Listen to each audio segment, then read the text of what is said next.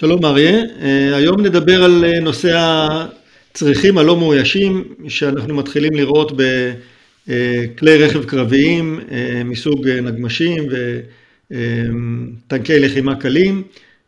זה תחום שעולה בכל העולם וגם בישראל מתחיל להיקלט. הנושא של עמדות נשק לא מאוישות החל לפני כ-20 שנה, הוא נולד למעשה ברפאל אה, שם פיתחו עמדה שאפשרה לשאת אה, מקלע קל אה, שימצא מעל הגג של הרכב או על הסיפון ויאפשר ללוחמים להסתתר מתחת לשריון ולשלוט בכלי הנשק העיקרי שלהם שזה היה עמדת מקלע כאמור. בטנקים לא השתמשו בעמדות האלה אלא רק בנגמשים, בכלי רכב קלים ובכלים ממוגנים. בצבאות בעולם משתמשים בהם גם למשל על משאיות כדי לאפשר לצוות אה, להימצא בקבינה ממוגנת ולהשיב אש במידה והם נכנסים למערב. אה, בצה"ל אה, עד תחילת שנות האלפיים לא הייתה מודעות לנושא, בעצם היו טנקים שהיה להם צריח עם תותח גדול והיו נגמשים שעליהם התקינו מקלעים. היית צריך לצאת החוצה כדי לתפעל את המקלע ואז היית חשוף לאש. עמדת הנשק הנשלטת מרחוק מאפשרת בעצם להשיב אש מבלי להיחשף אה, לאש האויב, ובזה מעלה את השרידות של הצוות. כן, הנושא של צריכים אה, או עמדות נשק לא מאוישות אה, התאפשר בגלל היכולת להפעיל סנסורים שונים שנותנים לצוות שנמצא בתוך הנגמש או בתוך הרכב הקרבי תמונת קרב מדויקת מבלי שהוא צריך להיות חשוף בצריח.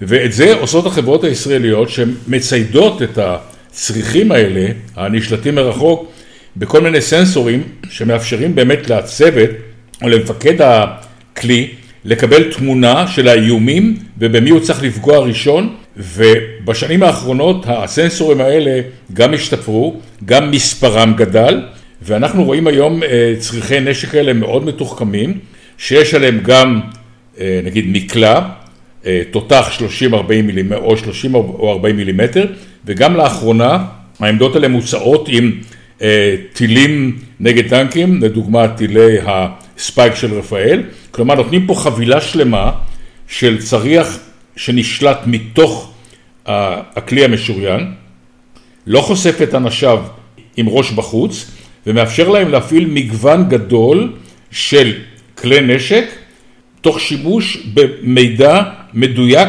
ובריל טיים, כלומר הוא רואה את המטרה ויכול לראות בה מיד. זו התפתחות מאוד מעניינת ולהערכת המומחים שאני מדבר איתם, הטרנד הזה ילך ויגדל, היות ובזמן האחרון מפתחים גם בעולם, גם בישראל, אה, כלים קרביים קלים יותר, לא נגמ"שים, אלא כלים גלגליים, כמו בישראל פיתחו את האיתן השמונה גלגלי, גם בארצות הברית מפתחים היום אה, כלים אחרים, תחליפים לברדלי ולסטרייקר, וכל אלה יהיו מצוידים בעמדות נשק לא מאוישות. לפי דעתי הנושא הזה הולך לקבל תנופה גדולה מאוד בשנים הקרובות.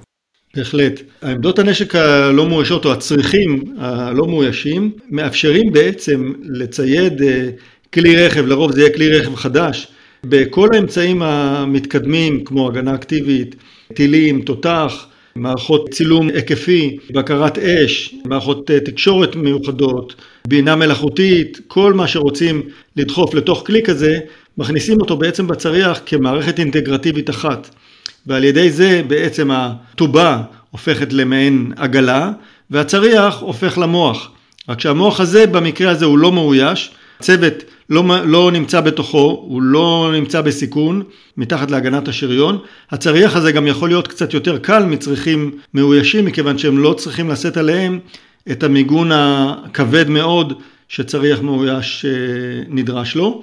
הכיוון הזה הוא כיוון שהולך גם להתפתחות העתידית, לכיוון ה... ברכב קרבי הרובוטי הלא מאויש. נוכל לראות צריח ש... יאפשר לצוות מרוחק לשלוט בצריח, לשלוט בתותח, לשלוט בכל מערכות הלחימה מבלי להיות חשופים כלל ברובוטים קרביים כאלה. אנחנו יכולים לראות uh, כבר עכשיו צריכים במשקל של טונה, טונה וחצי, שיושבים על פלטפורמה במשקל של בערך חמישה עד עשרה טון.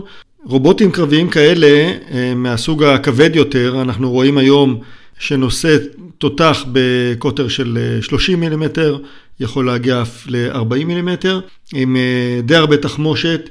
עם אה, סנסורים וללא הגנה אקטיבית, כי אין לנו צוות שאנחנו צריכים להגן עליו.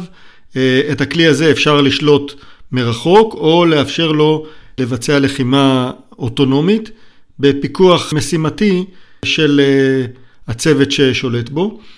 זה טרנד שאנחנו נראה אותו בעתיד צבאות זרים וכנראה גם בארץ. דיברנו על כך בכמה פודקאסטים קודמים, אנחנו רואים את זה בארצות הברית.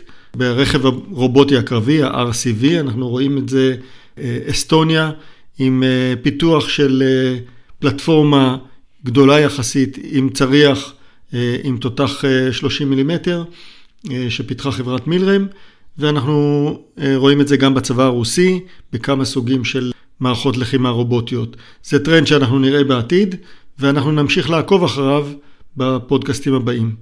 תודה ונתראה בשדר הבא.